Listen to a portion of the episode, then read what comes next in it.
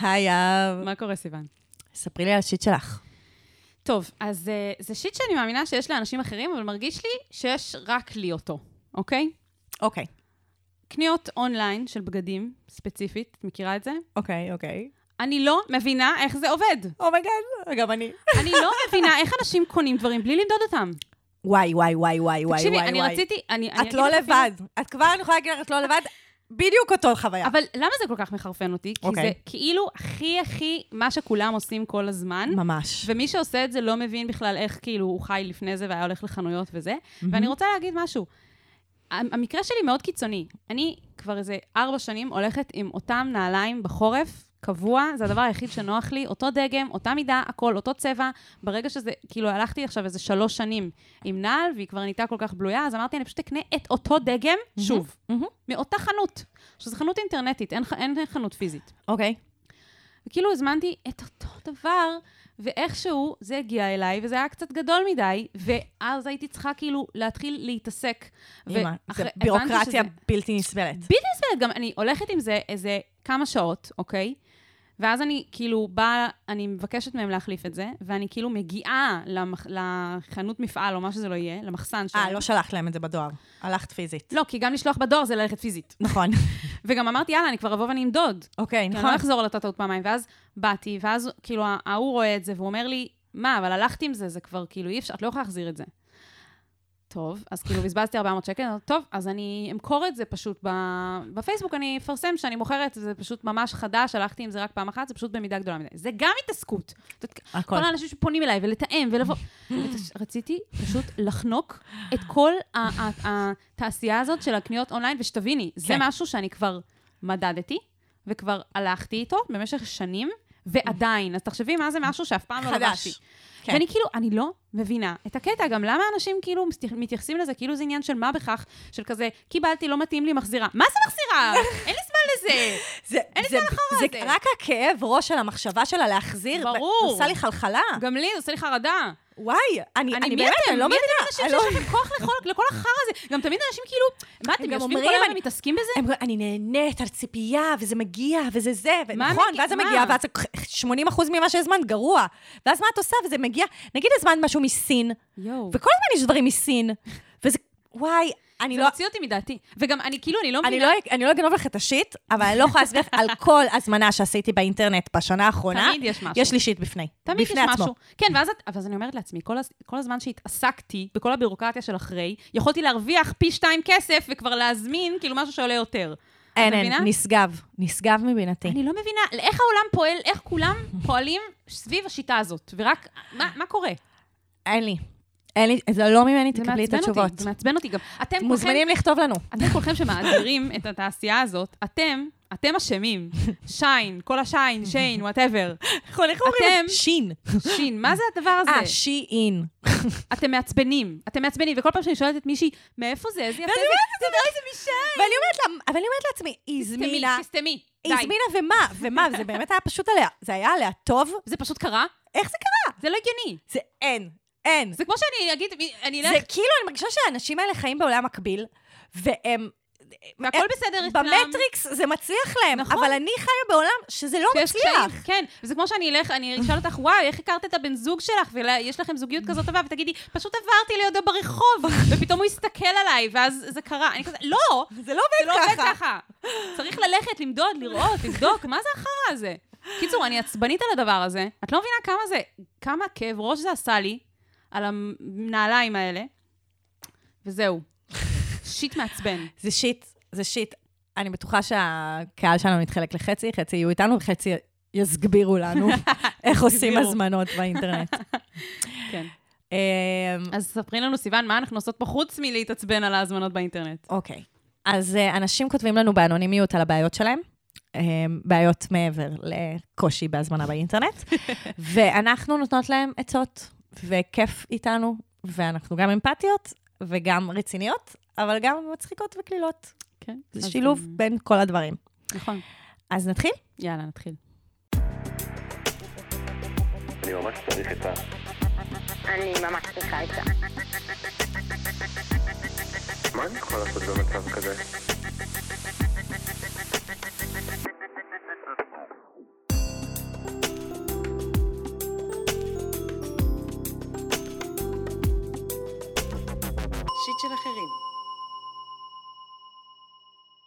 אז הפנייה הראשונה שלנו היא מסרנדיפיטי, בת 26. לפני שנתיים הייתי במערכת יחסים long distance עם בחורה ממדינה אחרת. בדיעבד אני מבינה איזו טעות זה הייתה להישאר בקשר הזה, אבל זה היה הקשר הראשון שלי והייתי מאוהבת לגמרי. הקשר הוגדר כאקסקלוסיבי, ובאחת הפעמים שטסתי לבקר אותה, הצצתי ביומן שלה וגיליתי שהיא כתבה שם על בחורה שהיא פגשה ותיארה שם את הנשיקות שלהן ושלל תיאורים אחרים על כמה שהבחורה היא מצאה חן בעיניה. הקשר נגמר רק כי הבחורה עזבה לעיר אחרת. כשגיליתי, סבלתי נורא. היא רצתה שנשאר יחד, אבל נפרדתי ממנה, וגם אחרי הפרידה היא הספיקה להתעלל בי רגשית. היום, שנתיים אחרי הפרידה ושנה אחרי שהפסקנו לחלוטין לדבר, בכל פעם שאני מנסה איכשהו להמשיך הלאה ולצאת לדייטים חדשים, כל המילים מהיומן שלה צצות וקופצות לי לראש. כל פעם שאני מחכה להודעה ממישהי, אני מדמיינת אותה ממתינה להודעה מהבחורה שאיתה היא בגדה בי. לכל דייט שאליו אני הולכת, אני מדמיינת אותה הולכת לדייט עם ההיא. בנוסף לקושי שבהתמודדות עם זה שבקשר הראשון שלי נבגדתי על ידי אדם שאהבתי, אני מרגישה שאני נמצאת במעין מחול שדים, רדופה על ידי זיכרונות עבר שלא מרפים, ואין לי מושג איך להפסיק להשוות הכל ולהרגיש כל כך פתטית. מה אפשר לעשות? הייתי בטיפול פסיכולוגי ומחפשת כאן הקלה מחשבתית.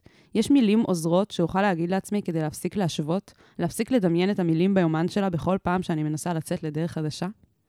אני חושבת שפנית למקום הנכון, ואנחנו הולכות לעזור לך, לגמרי. אה, כי אני חושבת שאנחנו נהיינו כבר המומחיות לפרדות הבינלאומיות, ואנחנו פה בשבילך, ואני רוצה להתייחס לשם שהיא בחרה. את גם בדקת? אני פשוט יודעת מה זה, כי אוקיי. אני עילאית ומתנשאת וגדלתי בבית אמריקאי. סבבה, אבל את הבנת שזה קשור לפנייה שלה. כן, כן, בטח. אוקיי, אז את יכולה, אז את רוצה לפרג- להסביר את יכולה לפרגן, יהב? לא, אז את רוצה להסביר, לב... כן, כאילו, צריך להתייחס לזה שזה לא כל כך- בחירת שם גאונית. כן, אני לא כל כך יודעת איך לתרגם את זה. אז הנה, אני הוצאתי את זה. זה תגלית ממוזלת. וואו. מה הכוונה? שנעשית שלא בכוונה, כאשר אדם מחפש דבר אחר. דוגמאות מפורסמות ל serendipi, אני לא מצליחה להגיד את המילה הזאת, serendipity. זה גילוי קרני ה-X על ידי רנטגן, וגילוי היכולות ההלוציגינניות של ה-LSD בידי אלברט הופמן, שגם לזה את מתחברת, אבל אני רוצה לתת דוגמה מהעולם שלי, אוקיי. איך גילו את הוויאגרה. זה היה בעצם תרופה נגד אה, לחץ דם, ואז גילו שזה גורם זקפה. ואז התחילו להפוך את זה לכאילו Mm. כדור בשביל זקפה אצל גברים, אבל זה סרנדיטיפי. אגב, גם את ה-LSD, בהתחלה בכלל היו נגזרות, המטרה הייתה לפתח נגזרות אחרות שעוזרות לדימום בזמן לידה ודברים כאלה, ואז ממש במקרה גילו שיש אה, נגזרת אחרת שמייצרת את, ה, בדיוק. את האפקטים האלה, אז, אז- גם, אז- אבל... אז כאילו, למה, זה פשוט גאוני שהיא בחרה בשם הזה, אני מעריכה את זה. כי בעצם כן. היא, היא באה ב- למטרה מסוימת וגילתה משהו אחר, כן. שעכשיו זה... בוא נגיד שהתגלית שלה היא לא ממוזלת, כן. אבל uh, זה נחמד. גם אני רוצה להגיד שבאופן כללי משתמשים במילה הזאת כדי לתאר כל מיני סיטואציות, שזה כאילו צירוף מקרים, אבל כשאנשים אומרים כאילו אין דבר כזה צירוף מקרים, אז, אז גם משתמשים Mm. בזה בהקשר הזה. כאילו אומרים, it's so serendipitous, שכך וכך וכך קרה. דווקא כשכך. איך אנשים אוהבים כשאת מדברת אמריקאית. איך הם אוהבים? אני חושבת שהם לא אוהבים, אני אגיד לך איך אני יודעת, כי אני שומעת אחרים שעושים את זה לפעמים, ואומרים משהו במבטא אמריקאי, ואני אומרת, איזה יצורה. לא, לא, לא. ואז אני אומרת. לעצמי, יהב, זאת את. אני מתה על זה. תדברי אליי כל הזמן במבטא אמריקאי. זה עושה לך את זה. יא ברז. Oh my God. זהו, אני הכי שופטת אנשים שעושים את זה, ואז אני צריכה לתת לעצמי לא, כאפה לא, ולהגיד. זאת את. אני בטוחה שהמאזינים, הדרך שהם יודעים להבדיל בינינו, זה שאני, איך שאנחנו אומרות מילים לועזיות. ממש. אוי, מעולה. יש לי הכי מבטא ישראלי שאני אומרת. מצחיק. אני אז אפילו כן, לא מנסה. אז למי שחיפש דרך להבדיל בין הקול שלי לקול של סיוון, אני אומרת מילים במבטא אמריקאי. בדיוק. ואני במבטא ישראלי, כן. קלוקל. אוקיי, אז אז בואי אה, נחזור אלייך. כן. אז אה, נשמע כמו משהו סופר סופר קשה.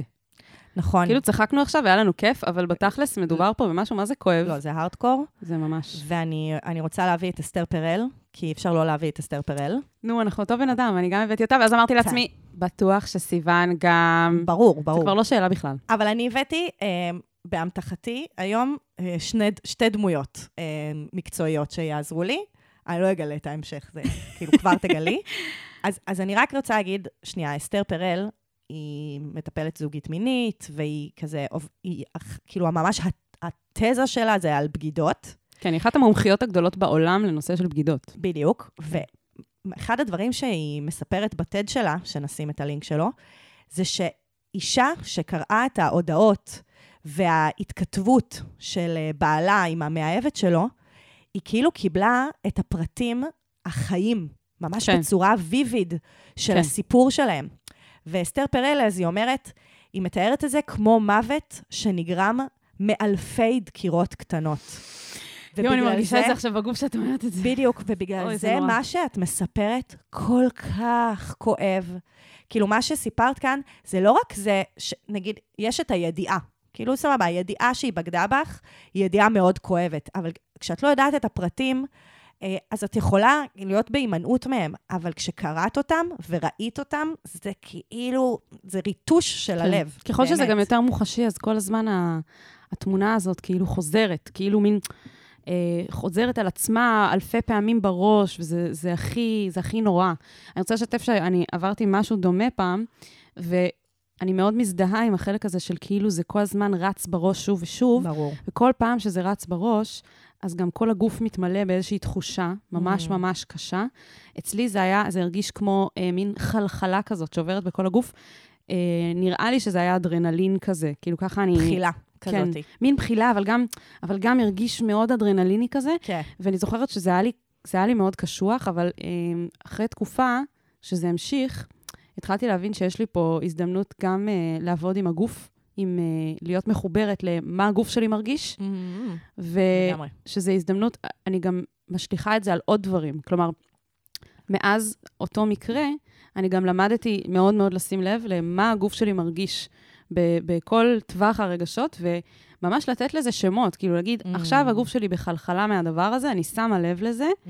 זה מאוד מגיע מעולמות המיינדפולנס, ואני כן. יודעת שזה קצת כאילו משהו מאוד באוויר כזה, אבל אני חושבת שזה נתן לי המון, התקופה זה לא הזאת. באוויר בכלל. כן, אני, אני, אני, זה ממש עזר לי כאילו להתחבר לעצמי ו- ולהיות גם בחמלה לעצמי, להגיד, אני עכשיו ברגע שהתמונה הזאת שוב עולה לי בצורה מאוד מוחשית, כמו שאמרת, מאוד ויביד, ואני מרגישה את החלחלה הזאת, ואני שמה רגע mental note, כאילו, אני מרגישה עכשיו חלחלה, קשה לי. אוקיי, זה מה שזה. אני אהיה כן. בתוך החלחלה הזאת, ואני אחכה שהיא תחלוף. זהו, אז את כבר עוברת, את בעצם כבר עברת לה, כאילו, איך היא יכולה להתמודד עם זה. ואני רוצה שנייה להגיד לה, תשמעי, בעיקרון, קראתי את הפנייה שלך, אמרתי, טוב, כאילו, פרידה. ואז היית רציתי להגיד לך, תשמעי, זמן מרפא את הכל, וכזה זה יעבור. אבל איכשהו, בסיפור שלך, זה נשמע שזה מעבר לזמן. נכון. הייתי רוצה לשאול אותך, אם היינו למשל אה, בשיחה, אם זה משהו שמלווה אותך בעוד חלקים בחיים שלך. אם הרבה פעמים יש לך מחשבות טורדניות, כפייתיות, אם, אם, זה, אם יש בעוד חלקים אה, משהו שממשיך בעצם אה, לרדוף אותך ו- ולהיות כאילו בפעולה מאוד מאוד חזקה. ואז אני אספר על תהליך העבודה שלי עם הפנייה הזאת, עצ- עצרתי. כאילו, מן, אני כתבתי על אסתר פרל וזה, ואז עצרתי, ואז הייתי כזה, טוב, אני פונה להדר, בן הזוג שלי. כי לי מרגיש, הדר, בן הזוג שלי, הוא, הוא מתרגל מדיטציה, והוא בעולמות הנפש, כזה, הוא גם בדרך להיות פסיכיאטר, והרגשתי שהוא, כאילו, שאני צריכה שנייה את הנקודת מבט שלו על הפנייה הזאת, כי זה לא רק heartbreak, כאילו, זה לא רק ה... כאילו סיפור של כזה בגידה ופרידה, אלא זה באמת כל הסיפור שעומד באופן שבו את חווה, והאופן שבו שזה המוח שלך כל הזמן. עובד. כן. אז הוא נתן לי שלושה סיפורים. אפשר? כן, כן. סיפור החץ השני. את מכירה? לא. אוקיי. אז uh, אבודה, אני לא מאמינה שאני מצטטת את אבודה, אבל כן. אבודה ממשיל את התהליך המחשבתי שאנחנו עושים לעצמנו כשאנחנו חווים סבל uh, או אי נחת, uh, כבעצם שני חצים שפוגעים בנו. יש את החץ הראשון, שזה הפגיעה, שבמקרה שלך זה בעצם הפגיעה באמון שלך, הכאב של הפרידה, העלבון של ההסתרה, של כל מה שקרה לך. והחץ השני זה בעצם כל היחס שלך לגבי עצמך. Mm. את משתמשת במילים כמו פתטית, את uh, כועסת על עצמך, את מאוד מאוד ביקורתית כלפי עצמך. עכשיו, זה קורה לנו המון, וגם יש לנו המון פניות כאלה, שבעצם כן. יש פה שני רבדים, uh, שאנחנו מאוד ביקורתיים לעצמנו, שאנחנו לא סלחנים, שאנחנו אומרים לעצמנו את המילים הכי קשות שמישהו היה אומר לנו אי פעם. כאילו, אף אחד לא היה מדבר לעצמו לאף אחד, סליחה, אף אחד לא היה מדבר לבן אדם אחר כמו שהוא מדבר לעצמו. כן, אנשים אומרים פתטי על עצמם, אבל הם לא, זו מילה מאוד מאוד קשה. מאוד. לא משתמשים ב... כואבת. לאחרים, בטח לא בפנים. לגמרי. אה, אז כבר אנחנו יכולות בעצם לעשות שנייה פירוק בין החוויה שעברת לבין האופן שבו את ביקורתית כלפי עצמך לגבי ההתמודדות שלך. זה דבר ראשון. ב... ואז יש סיפור שני. אה, בסוף הספר, האדם מחפש משמעות של אה, ויקטור פרנקל. הוא נותן דוגמה למטופל שמגיע אליו, ואומר שהוא לא מצליח לישון, והוא מספר לו איך נראה הלילה. אז הוא אומר שהוא דואג שהוא לא מצליח להירדם, ואז הוא דואג מה יקרה מחר, ושהוא יהיה עייף. ואז הוא חושב אם יש לו משהו רפואי, שזה יימשך לנצח. ועוד, כאילו, זה, זה בעצם מראה כמה אנחנו מלבים את הקושי הראשוני, שזה כאילו בעצם שהוא פשוט לא מצליח לישון. אז uh, ויקטור פרנקל אומר לו, התרופה הכי פשוטה היא פשוט שתפסיק לנסות לישון. כן. כאילו, בעצם, בהרבה מקרים, התודעה עובדת על פול גז בניוטרל. היא ממשיכה ומייצרת עוד ועוד ועוד ועוד מחשבות, וכל פעם שאת מייחסת למחשבות האלה חשיבות, את מלבה אותן. את כאילו מכניסה עוד שמן למדורה. כן.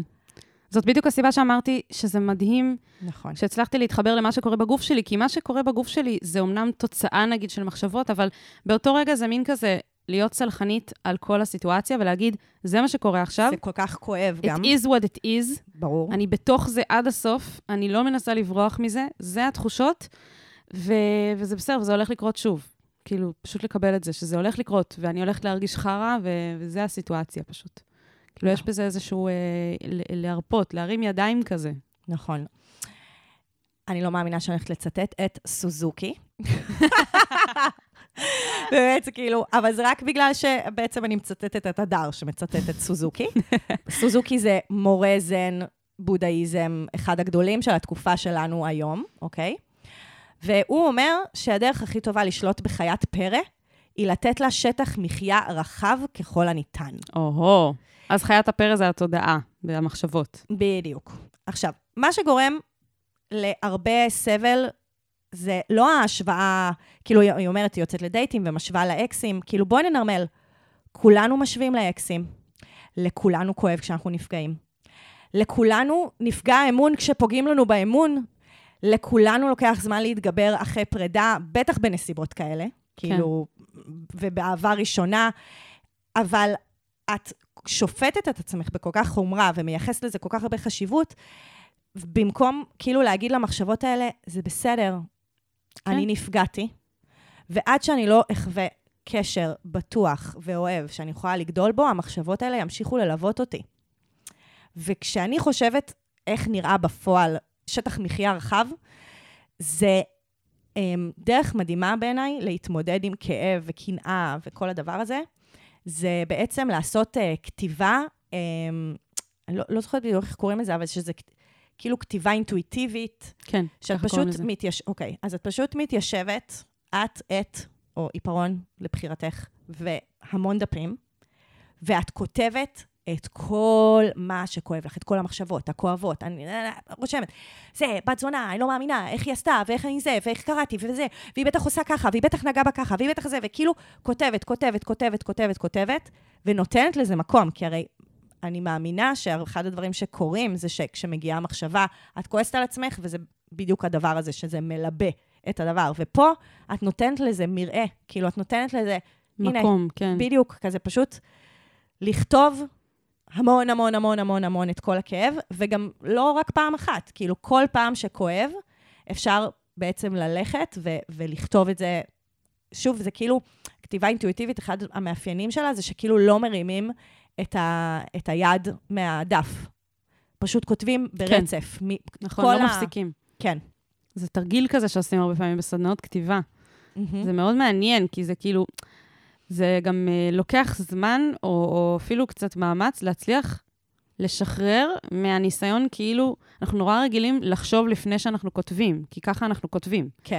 ופה באים ואומרים לך, תעשי ההפך הגמור מכל מה שלימדו אותך לגבי כתיבה. פשוט תשחררי ותכתבי מילים כאילו בלי לחשוב, זה, זה אפילו, זה מאתגר. כן. זה, אבל ברגע שזה, שמצליחים, אני חושבת שזה באמת יכול לשחרר הרבה. אני רציתי גם להמליץ על, אה, כמו אנחנו קוראים לזה הרבה פעמים בפודקאסט, משאבים קהילתיים. אז קודם כל, אה, חברים, לדבר על זה, לדבר על זה עם חברות וחברים, לא להרגיש לבד, אה, לא להרגיש פתטי, אלא להתחבר למקום שבו זה כואב לך כי את בן אדם, את חווה חוויה אנושית. בדיוק. ואנשים... זה המרעה הזה, עדיין. כן. כן. אה, אז גם ברמת המעגל הקרוב, חברים, משפחה, לשתף אנשים, להגיד להם, קשה לי, אני בתקופה שאני כל הזמן חושבת והמחשבות האלה חוזרות, פשוט שידעו כאילו שזה, שעובר עלייך משהו. וגם יש קבוצות תמיכה לנבגדים ונבגדות. Mm. הידעת? אה, לא ידעתי, ספרי לי על זה. That's a thing. Um, בדקתי את זה, יש כל מיני קבוצות, אבל יש אתר שממש מרכז קבוצות בכל הארץ. אבל אפשר פשוט להגיד שטיפול, וטיפול שמתמקד באמת בהקשר הזוגי, כאילו ללכת למטפלת זוגית, או שמטפלת בזוגות, לא בהכרח לטיפול זוגי, אלא נכון, למישהי שמבינה בעצם, ב... אני יכולה להגיד על אלה שיר, חברה שלי, שהיא מטפלת זוגית, והיא מטפלת בזוגות שעברו כאילו גם בגידה. היא מטפלת במכון של יעל דורון, שזאת הפסיכולוגית מחתונמי. אה, מעניין. כן. אני גם רוצה להגיד לגבי העניין הזה של טיפול, דווקא הסיבה שהמלצתי ספציפית על האתר הזה, על, ה, על האישה הזאת, זה כי זה בעצם לא טיפול אחד על אחד, זה קבוצות תמיכה. שזה, ומה נהדר. שזה מביא זה שעוד אנשים שחוו דברים מאוד דומים לך, ואתם יכולים לשתף אחד את השני ולתמוך אחד בשני, ונראה לי שזה ממש ממש חזק. מדהים, מדהים. טוב, אז uh, תגידי את השם שלה, כי אני לא מצליחה להגיד את המילה הזאת. אז סרנדיפיטי, אנחנו מאחלות לך המון בהצלחה, וממש מקוות שעם הזמן זה יהיה קצת יותר קל, ותרגישי פתאום, וואלה, את ההקלה הזאת. כן, זה, זה, זה, זה לא שזה ייעלם, אני חושבת שייקח המון זמן עד שזה ייעלם, אבל כשמרגישים פתאום שזה קל יותר ושזה בתדירות נמוכה יותר, זה גם אה, מאוד אה, מרגש. נכון, וואי, אני רק רוצה להגיד עוד משפט אחד, שאנחנו גם נפגעים, אבל אנחנו גם נרפאים בקשר. ובעצם אותו מקום שפגע בך, זה גם המקום שבו את תוכלי בעצם להירפא. לקבל כלומר- חוויה מתקנת. בדיוק. או, או, ב, או בזוגיות, או באמת בטיפול. Mm. כלומר, קשר הוא גם מה שיכול לרפא את הכאב שאת חווה.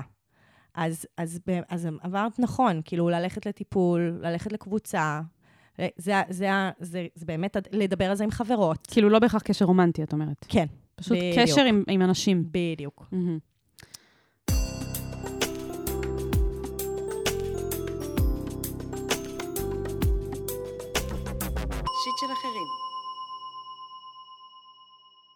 הפנייה השנייה שלנו זאת אימי ויינהאוס, בת 30, שאני אוהבת אותה נורא. את אימי ויינהאוס האמיתית. לא. את אימי אה, ויינהאוס זאת. שכתבה לנו. אה, נכון. כי זה- זה הפנייה שחיכית לה כל חייך. בעיקרון, כן, היא כתבה, היא הקדישה אותה לי גם. היא אמרה, סיוון, אני יודעת שאת מאוד תרצי, אז בבקשה. נכון. בואו נדבר רגע על גניחות. או יא. אני תוהה מה מקורן, במרכאות, של רוב הגניחות. האם זה עונג טהור, צליל בלתי רצוני, בסוגריים שאולי עוד לא הגעתי אליו, או אולי דרך נוספת להדליק את הפרטנר, כלומר צליל רצוני, או פשוט זיוף? אני יודעת על עצמי, וגם נאמר לי על ידי פרטנרים, שאני בן אדם די שקט במיטה. תכלס, מצד אחד אני אדם סקרן, חופשי ומשוחרר, ומצד שני, אין ספק שאני גם בשליטה. אני כן אוהבת ומנסה לחקור תנוחות שיסירו ממני שליטה במיטה. לאחרונה, לאור סקרנות, התחלתי לשכב עם בנות. או יא. ונתקלתי בבנות שגונחות. או יא. אני לא יכולה לא להגיב לה כבר. ואין ספק שזה מרים את האווירה ומחרמן. חיי המין שלי טובים וכיפים וכוללים תקשורת טובה עם פרטנרים לפני הסקס, אחרי ותוך כדי. היא אומרת את כל מה שאני רוצה לשמוע, כן? המקסימום שלי מבחינת גניחות זו איזו שאיפה או נשיפת אוויר חרישית. אבל הייתי רוצה יותר מזה, ממש להוציא קול. אין ספק שיש בגניחות גם קשר לשחרור רגשי וללהסכים להיחשף. יש לכן המלצות לתהליך שבסופו סוף סוף אצעק? אבל לא בקטע פורנואי כמובן. אני מסתכלת על גניחות כעוד כלי לבחון אותי ואת המיניות שלי. הייתי באמת רוצה שמשהו שם ייפתח וישתחרר. האם אפשר לעבוד על לגנוח, או שפשוט יש בנות שקטות? אין, אני קראתי את הפנייה הזאת והייתי כזה, אין, סיוון הולכת פשוט לעוף פה ה... סיוון הולכת לגנוח מהפנייה. בדיוק, יפה. לא, לא חשבתי על זה, זה היה במקום. Um, אני אתחיל ואני אומר שאיזה כיף שיש לך חיי מין uh, טובים, ואת מרגישה שאת uh, חוקרת את המיניות שלך ומשתחררת עוד ועוד, ושיש לך תקשורת טובה עם הפרטנרים והפרטנריות, זה מדהים. ממש. אז כזה, כל הכבוד, זה לא מובן מאליו. זה דבר ראשון. עכשיו לגבי גניחות. כן. אני רוצה להגיד שאני מרגישה שמצד אחד את כן תפסת את העניין הזה של, אה, כאילו, את לא... את מבינה שיש פה עניין של להסכים להיחשף, ומצד שני את גם יכולה לקבל את זה שאוקיי, יש כנראה אולי אנשים שפשת פחות יוצא להם, אבל את כן רוצה לבחון את האפשרות, לבדוק, לחקור, האם כן יש איזה משהו שחוסם אותך, ואת תגיעי בסוף למצב הזה שאת גונחת כמו שהיית רוצה. אבל אני רוצה רגע לעשות כאילו מין ריפריימינג קטנטן, כי אני מרגישה שאין צורך פה ביותר מדי, אבל אולי בשביל המאזינים. Mm-hmm. אני מרגישה שהדיבור על גניחות אצל uh, נשים, כי זה בדרך כלל גם מי שגונחות יותר, uh, זה מזכיר קצת את השיח על כאילו ביצועים במיטה אצל. גברים, Mm-hmm. שכמה הן חזקות, כמה הן נשמעות טוב. זה מזכיר לי את ההתעסקות הזאת. נכון שגבר שיודע לעשות כל מיני פעלולים במיטה, נקרא לזה, כן. זה כיף, זה משדרג, זה מחרמן, כמו שהיא אומרת, זה מרים את האווירה, אבל uh, בסוף, כמה הסקס יהיה טוב, זה לא תלוי בגניחה. חשוב לי להגיד את זה, אני, כן. אני חושבת שהיא יודעת את זה, אבל אני חושבת שזה נכון. חשוב שנגיד את זה בקול רם. Mm-hmm. זה קודם כל תלוי ביכולת להיות קשובה, להרגיש להיות משוחררת, להיות נוכחת, להיות בתקשורת, שהיא אמרה שיש לה את זה, ונראה שבהיבטים האלה, כן. כאילו את כן שם. לגמרי. ולכן אני כן רוצה להגיד, כאילו, כל הכבוד, והיפ הופ, כי fuck yeah? נתתי, אני ברחוב סומסום של 1991, אבל בד- בדרכי שלי אני מפרגנת. אמ, אז אני אומרת, כאילו, ברמה הזאת, אני חושבת ש... זה לא שאת פה בבעיה, אלא את רוצה לשדרג משהו שהוא כבר טוב. כן, בעצם, אם אנחנו מסתכלות על פירמידת הצרכים של מאסלו, צוחקת. זה מצחיק אותי, כי את כאילו, את, אני כאילו יודעת מה את הולכת להגיד, ואני כזה, כן, נכון, זה, יש, כל הצרכים פה ממולאים, זה רק כן. עניין של לבוא ולשדרג. כן, אז בעצם. הם- למי שלא מכיר, פירמידת הצרכים, פירמידת הצרכים של מאסלו, זה בעצם שכאילו הצרכים שלנו הם, הם אחד על השני. כלומר, אנחנו צריכים קודם כל לבסס את הצרכים הבסיסיים ביותר שלנו, כן. ולממש אותם. כמו למשל, חמצן, נגיד. כן, חמצן, אוכל, אה, מקום בטוח לישון בו, כן. ורק אחרי שאנחנו מממשים את הצרכים הבסיסיים, אנחנו יכולים לדאוג לצרכים שהם יותר גבוהים. כלומר, אם אני מתה מרעב, אני לא אחשוב על הגשמה עצמית ועל איזה קריירה יש לי. אני קודם כן. כל אדאג לזה שיהיה לי אוכל. של הישרדות, אז כן. את נמצאת יחסית גבוה מבחינת פירמידת הצרכים של מאסלו בסקס, את נמצאת במקום שאת באמת במקום טוב ומתקשר, וכאילו במקום מודע והכול, ולכן יש לך ואת- מקום לחשוב על הדברים האלה בכלל. בדיוק. ועכשיו את רוצה כן. להגיע להגשמה עצמית, מרגש מאוד. ממש. אני רוצה להגיד לגבי הפירמיד הצרכים של מאסלו, שלמטה, מתחת לחמצן וכל הדברים הבסיסיים, יש כן. וי-פיי. את- מכירה את המם הזה? וואי, עכשיו יהיה לנו, יש לי מם כבר לפרק הזה, אז עכשיו יהיה לנו מריבה על איזה מם יהיה. לפרק הזה. כן. מעולה.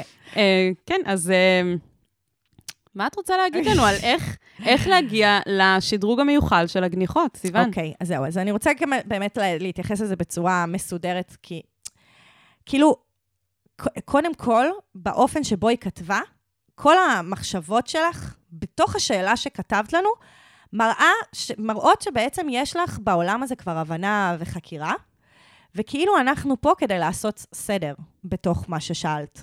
כזה, Mm. אני ממש מרגישה שכאילו זה לא בהכרח יחד, ישדרג לך או יחדש לך, כמו שזה יעשה לך באמת איזשהו סדר ויעזור לך להבין איפה את עומדת ומה את רוצה לעשות. איך אנחנו אוהבות סדר וניקיון, אה? ממש. סיוון. מאוד. בן אדם גרמני שכמוני. אז um, אני התייעצתי, כמו שאני אוהבת להתייעץ uh, בפניות, אז התייעצתי עם שתי נשים. התייעצתי גם עם uh, שולמית שפרבר, שהיא מטפלת מינית מוסמכת, והיא כאילו מבחינתי ייצגה את העולם היותר הממסדי בהקשר הזה. Uh, בהקשר הממסדי, כאילו של טיפול מיני, וכזה משהו כזה יותר כזה, כזה איך מתייחסים נגיד לגניחות בעולם הטיפול הרגיל כביכול, הקונסרבטיבי. והתייעצתי גם עם יעל אלעד, שגם את מכירה, והיא חברתנו הטובה. אה, שהיא בעצם בעיניי קצת יותר מייצגת את העולם הרוחני, האלטרנטיבי, את החיבור לגוף. היא עושה הרבה מעגלי נשים, והיא עושה גם הרבה פעמים דברים שקשורים באמת לגוף ונפש. ובעצם ביחד עם, עם ההתייעצויות האלה, בעצם ניסחתי איזושהי uh, תשובה אלייך, אימי היקרה. אז, אז בואו נתחיל בזה שבאמת, כמו שאת אמרת, כל בן אדם הוא אחר, ויש כאלה שזה מאוד קל ומשחרר עבורם, כאילו לגנוח זה אינטואיטיבי, ויש כאלה שזה לא נוח להם, שזה נשמע שאת נמצאת יותר בספקטרום הזה. יש כאלה שזה מביך אותם, או שהם לא מרגישים צורך בכלל לעשות את זה, ואין דרך אחת טובה או נכונה להיות בה, שזה קצת יאהב מה שאת אמרת.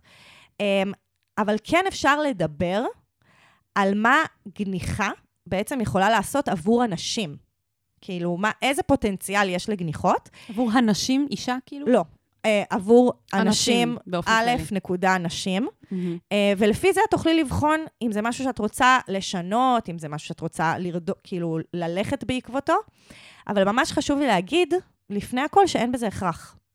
כלומר, כמו שהרבה פעמים אנחנו מדברות על זה בהקשרים אחרים, לשים מטרות ויעדים אה, במיניות יכול לחרב אותה. זה יכול לגרום לזה שאת לא נוכחת בתוך המיניות שלך. כן, כמו שאמרתי, בדיוק כמו עם ביצועים וגברים. בדיוק, בדיוק. ה- אז אני כאילו רוצה להגיד, זה באמת צריך להיות, כמו שאמרנו, ממקום של הגשמה עצמית וממקום של חקירה, ולא ממקום של את חייבת, אף אחד לא חייב שום דבר במיניות.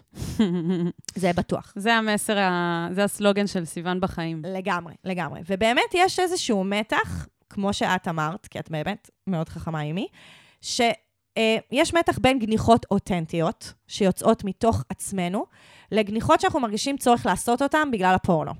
או בגלל שאנחנו רוצים לידע את הפרטנר שזה טוב, שימשיך. אז זה גם רגע, חלק. זה, זה, זה כבר בעיניי בפוטנציאל, כאילו, של הגניחות. אני רוצה כאילו באמת לדבר שנייה על הגניחות בפורנו. מהמם. כי כאילו אני רוצה שנייה להפריד את הגניחות מהפורנו, שזה הגניחות שאת דיברת עליהן עכשיו, הגניחות שהן כמו ביצועים, ו- ו- ולהגיד מה הבעיה איתן. כי היא, אמ- היא כבר ידעה את זה, היא כבר כן, באה ואמרה, היא כאילו, זה, כן. הגניחות האלה הן בעייתיות, וכאילו, כמה אני צריכה לשאוף אליהן וכולי. אז בעצם, שנייה אני אגיד בהקשר של הפורנו.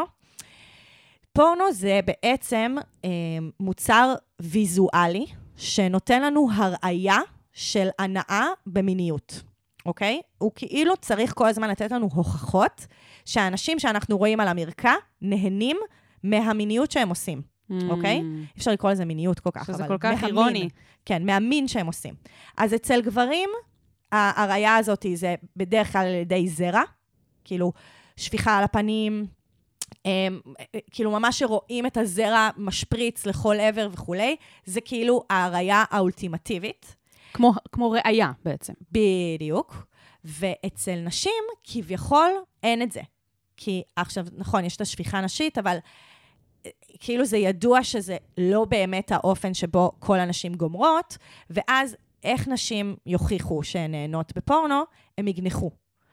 הגניחות בפורנו, אין להן קורלציה למתי האישה באמת נהנית. כלומר, אנחנו הרבה פעמים פשוט נשמע כזה, לאורך כל האח. אני אהיה חייבת להדגים פה היום גניחות. אני מכינה את כולם. יש סרטון, יש סרטון של. אה, ספוקן, קטע ספוקן שחברה שלי עשתה, אני אשים גם בלינק. אה, מעולה. שהיא מדגימה שהיא מדגימה ב- גניחות. בווג'יינה מונולוגס, שהיא עושה בעברית, ואז היא... מעולה. כן, זה מעולה. מעולה. אז, אז באמת גם אפשר לשמוע, כאילו, בתוך הגניחות, אם הן אותנטיות או לא אותנטיות, ובפורנו הרבה פעמים אנחנו נשמע פשוט אישה גונחת, כי זה ה, בעצם ההוכחות שהיא נותנת להנאה שלה. ואז כן. באמת, נשים לומדות שהן חייבות לגנוח, והן גונחות בצורה לא אותנטית ביחס להנאה שלהן, תוך כדי, זה כאילו הופך, הופך את זה למשהו שהוא פרפורמטיבי. לגמרי. שזה, שזה כל המהות של הפורנו. שאגב, נכון, הרבה פעמים יש דיבור על זה שזה לא פמיניסטי, לזייף אורגזמה, ושכאילו הרבה פעמים מדברות על זה, שכאילו, אל תזייפי אורגזמה כי את פועלת כנגד עצמך, ואת בעצם גורמת לבן אדם השני, את מטעה את הבן כן. אדם השני, את האישה או האיש שאיתך, ובהקשר הזה, גם לגנוח. רק כדי לגנוח, ולא לגנוח כי אני נהנית כרגע, זה אותו דבר, זה כמו זיוף אורגזמה. כן. זה על אותו עיקרון. ואני חושבת שיש הרבה נשים שבתהליך ההתפתחות שלהם במיניות, השילו את הגניחות. כאילו, את אה, אימי, את אומרת, זה מביך אותך מלכתחילה, אבל אני חושבת שיש הרבה נשים שגנחו כדי לגנוח, ונוצר מצב שכאילו פתאום הם גילו שהן מייצרות מצג שווא. Mm. למשל, אני מכירה מישהי שאמרה שיום אחד הבן זוג שלה אמר לה, תקשיבי, זה מרגיש לי שאת נהנית הרבה יותר ממני. והיא הייתה כזה, וואט? אני הכי לא נהנית. ואז היא הבינה, היא הבינה שבעצם דרך הגניחות היא הטעתה אותו. כן. אז היא התחילה בעצם לעשות עבודה על להשתיק את עצמה ובאמת לגנוח רק כשהיא צריכה, אוקיי? עכשיו, אני רוצה להגיד עוד משהו, זה כאילו קשור ולא קשור? לא, זה קשור. באותה מידה שנשים גונחות כל הזמן בפורנו, גברים לא גונחים בכלל. כן, זה גם עניין. עכשיו, למה זה עניין? כי בעצם גניחה, שזה עוד שנייה נדבר על, ה, כאילו, על הפוטנציאל של גניחות, גניחה היא דרך שלנו להביע את עצמנו, להביע את מה שאנחנו מרגישים, להביע את הרגשות שלנו, להביע את העוצמות שלנו. ומה שקורה זה שכאילו לגברים אין היתר, אין הרשאה לבטא את הרגשות שלהם. בדיוק כמו שלגברים אסור לבכות, לגברים אסור לגנוח. כן, אסור להם להראות את מה שהם מרגישים מבפנים. בדיוק. כלפי חוץ. ואז אנחנו נפגוש המון גברים מאוד חסומים, מאוד חסומים בהקשר הזה, והם לא יגנחו בכלל. ו, אמ, ו, וגם, הנה, מה היא כתבה, שזה כזה מדהים? היא כתבה, התחלתי להיות עם נשים, ופתאום גיליתי שזה עושה לי את זה, כאילו, שאני שומעת גניחות וזה מגניב. כן. והיא הייתה עד עכשיו עם גברים שהם לא גנחו, זה לא שהם לא נהנו, הם פשוט חוברתו לא כן. לגנוח. ואז זה גם מראה לנו כמה נושא הגניחות הוא עניין גם סוציולוגי. כן. כאילו, הוא עניין של הבניות מגדריות שמייצרות כאילו הסללה לגניחה או לאי-גניחה. וזה אומר שבאיזון המגדרי שאנחנו רוצות לעשות, אנחנו רוצות לעזור לנשים להיות אותנטיות ולהיות מחוברות לקולות שהן משמיעות. ולא לגנוח רק בשביל לעשות פרפורמנס של בדיוק. הנאה. ולגברים, אנחנו רוצים לעזור להיות אותנטיים ולהיות מחוברים למה שהם מרגישים ולבטא את עצמם במידה והם רוצים. כן, אני רק רוצה להגיד שהייתי פעם עם מישהו שגנח ממש, וזה הדבר הכי מחרמן בעולם. בדיוק, היא אז אומרת, זה גברים- מחרמן. תרגישו בנוח. אין דבר יותר מחרמן מלשמוע. גבר שמתענג ו-. ונותן לעצמו, כאילו, להיות חיית הפרא שדיברנו עליה מקודם, סוזוקי. כן, לגמרי. אני רוצה להמליץ, אמ, כי נראה שבאמת היא, היא ספציפית אימי, שפנתה אלינו, ממש מבינה אה, כמה דברים. אז כאילו אמרנו דברים שחשוב שאחרים ישמעו, אבל, אבל בשבילך, אימי, יכול להיות שאולי שווה לך אה, לנסות כל מיני תרגילים שיעזרו לך להתחבר יותר לקול, קול, אה, כאילו, מיתרי הקול. כי זה גם עניין שהרבה פעמים, גם בלי קשר למיניות, לפעמים כן. אנשים לא מרגישים שהם יכולים להיות ווקאליים, או שהם מרגישים שישפטו אותם על הקולות שיצאו להם.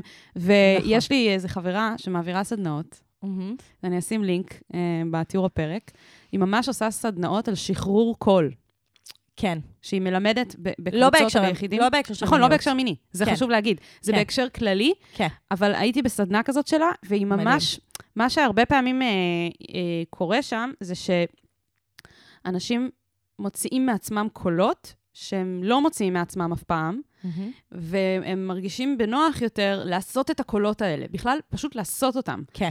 אה, ואני חושבת שזה יכול לעזור פשוט לשחרר, ואפילו אם זה לא יהיה קשור לגניחות במיטה, מהמם. זה תמיד טוב לשחרר קול, את הקול שבתוכנו, כאילו יש בזה משהו מאוד סמלי.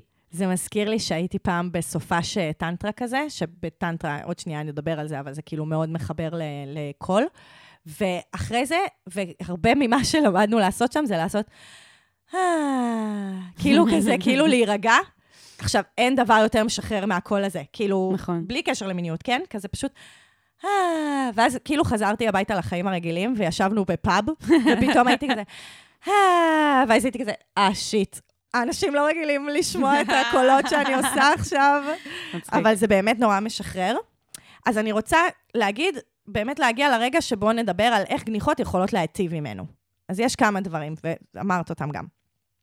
אז דבר ראשון, אה, שימוש בקול הוא הרבה פעמים פידבק חיובי לפרטנר או לפרטנרית, ובעצם עוזר לנו לתקשורת מינית, ועוזר לנו לתקשר מה מתאים לנו ומה פחות מתאים לנו, וזה סוג של מפת דרך עבור הפרטנר שלי להבין מה נעים לי.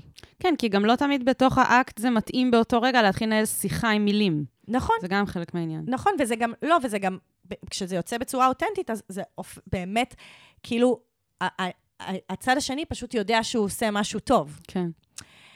נשימה. אז בעצם להכניס נשימה לתוך הגוף שלנו עוזר לנו להתחבר לגוף ולתחושות שלנו. כאילו, הכנסת חמצן לגוף זה אחד הדברים כאילו שפשוט אומרים, just breathe, כאילו, פשוט תנשמו, זה כל כך יכול לעזור בערך כל הבעיות שלנו בחיים. כזה, עכשיו אני, תוך כדי שאני מדברת, אני אומרת, קחי נשימה, סיוון.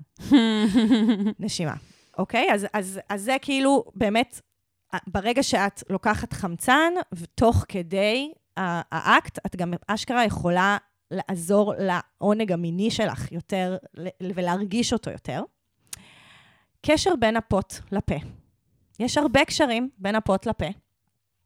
באיך שהם בנויים, באיך שהם מתפקדים. יש פשוט קשר בין האיברים האלה, כי הם דומים. השפתיים למעלה ושפתיים למטה. אה, רוק וחומר סיכה. אה, זה איבר שהוא בעצם שער לבעצם דברים שנכנסים לתוך הגוף שלנו. והפה קשור להזנה והפוט קשור לעונג. אה, אז כאילו אוכל ומיניות זה יצרים מאוד בסיסיים, הישרדותיים ומהותיים בעצם עבורנו. אז ממש אפשר להרגיש את הקשר ביניהם, וכשאנחנו בעצם מאפשרות לעצמנו לפתוח את הפה ולהשמיע צליל, משהו בפוט גם נפתח ומאפשר בעצם להרגיש עונג. Mm. עכשיו, שיטת פאולה זה שיטה שעובדת על הקשר בין כל השרירים הטבעתיים בגוף שלנו. כלומר, אם תכווצי עכשיו חזק חזק חזק את הפה והעיניים, את תרגישי גם קיבוץ בפוט. Mm. הרבה פעמים גם מדברים על זה בהקשר של כאילו בעיות עיכול וזה, וכאילו, זה ממש מחובר, כל השרירים הטבעתיים, ואז באמת אפשר כאילו לעבוד עם הכל כדי לעבוד על העונג המיני, וכלומר, mm, כן, יש כאן פוטנציאל כאילו כן לעשות את זה בצורה כביכול מאולצת, אבל לא מהמקום הפורנואי, כמו שהיא אומרת וכמו שהיא הבינה, אלא מהמקום שבדיוק כמו שאת אמרת, על הסדנה של הקול. כאילו, שלאפשר לקול לצאת, ואז זה גם לאפשר לעונג לצאת. אמ, שזה ממש גם הבסיס של הטנטרה. כאילו, בטנטרה, אה, קול, תנועה ונשימה, זה מה שמאפשר לאנרגיה לזרום בחופשיות בכל הגוף שלנו, ולא להיות תקועה רק באיברי המין שלנו. כי הרבה mm. בני אדם, אנחנו עושים סקס רק דרך איברי המין שלנו, ובפועל כל הגוף שלנו יכול להיות במיניות. כן. אז, אז התנועה של, ה, כאילו, של הקול מעבירה את האנרגיה הזאת לעוד מקומות בגוף, ולא רק נשארת באיברי המין. מצ'אקרת המין אל צ'אקרת הצוואר, לא, קול. לא, לא יודעת. יש, יש את ה vibe הזה. לא מכירה צ'אקרות. כן. נכנסנו, נכנסנו לעולם הזה. לא כן. לפחד. זהו, גלשנו לשם. אני רק רציתי להגיד משהו ששכחתי בזה, זה שהדמיון הזה שרואים בין הפות לפה, אז uh, אנחנו נצרף uh, מם שמראה את הדמיון בין איך הפות נראה לבין איך uh, מערכת הנשימה וכאילו הפה נראית. אה, מעניין. ממש מגניב. מגניב. אז אתם תראו את זה. אז באמת, אם אנחנו מגיעות לשורשה של השאלה שלך, שזה כזה, אוקיי, אז איך לשפר את הגניחות שלי? um, אז דבר ראשון, אחד הדברים שצריך uh, להבין, זה שזה לא צריך להישמע טוב, ושאין דרך שזה אמור להישמע בו. כי זה גם חלק ממה שהפורנו מייצר, כאילו מייצר איזושהי נכון. חשיבה שיש גניחה ואיך היא נשמעת, וזה יכול להישמע כאילו ממש במלא דרכים, ובאמת, יש לנו חברות כאילו בחברה שלנו לגבי איך קולות אמורים להישמע. כן, נכון. אז באמת אפשר לעשות סוג של מדיטציה, שהיא חקירה מעניינת, של להשמיע צלילים, כמו שחברה של יהב עושה ואת תלכי אליה, ולראות איך זה משפיע על הפוט שלי. כאילו mm. בעצם להיות בתשומת לב לפוט שלי, ולראות איזה סוגים של צלילים משפיעים. נגיד, אם אני עושה או, אז אם זה מרטיט, אבל אם אני עושה אה, זה חוסם. כאילו, זה עוצר. אני ממש מרגישה כאילו את, את פשוט מתארת פה שהיא הולכת לסדנה אחד על אחד, כאילו ל... עם... אה, סדנת גניחות. עם פיי, קוראים לה פיי לחברה שלי. אוקיי. Uh, שהיא עושה את הסדנה ממש אחד על אחד. כאילו, זה מרגיש לי כאילו היא מחר היא נכנסת לזה, מתקשרת אליה ו... כן. כן. כאילו, כי את מדברת על דברים שגם...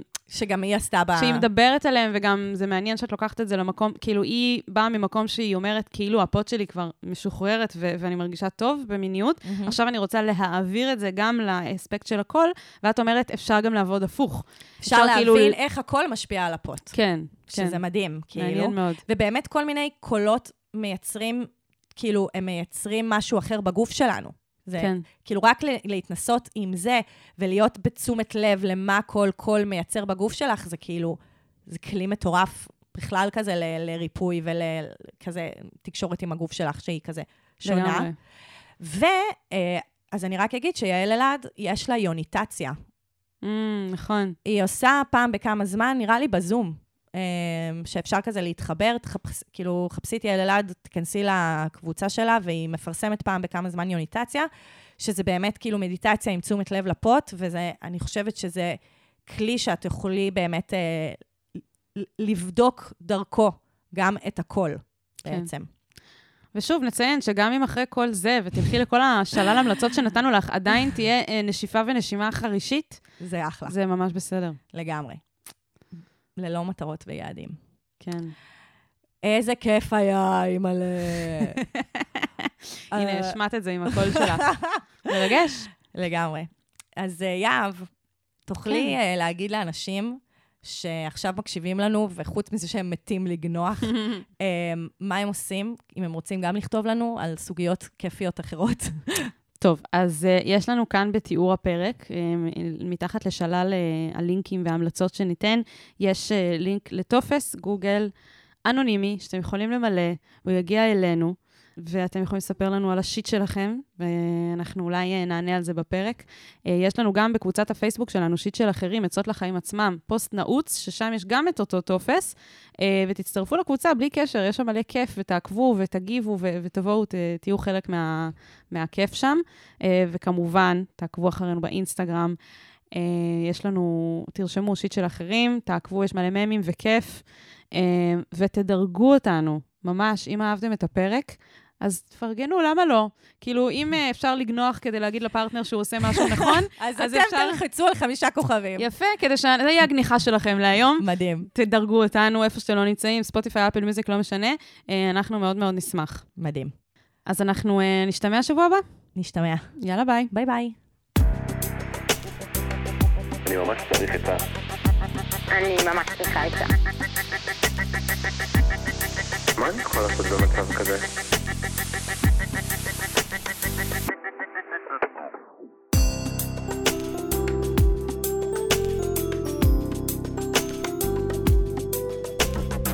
שיט של אחרים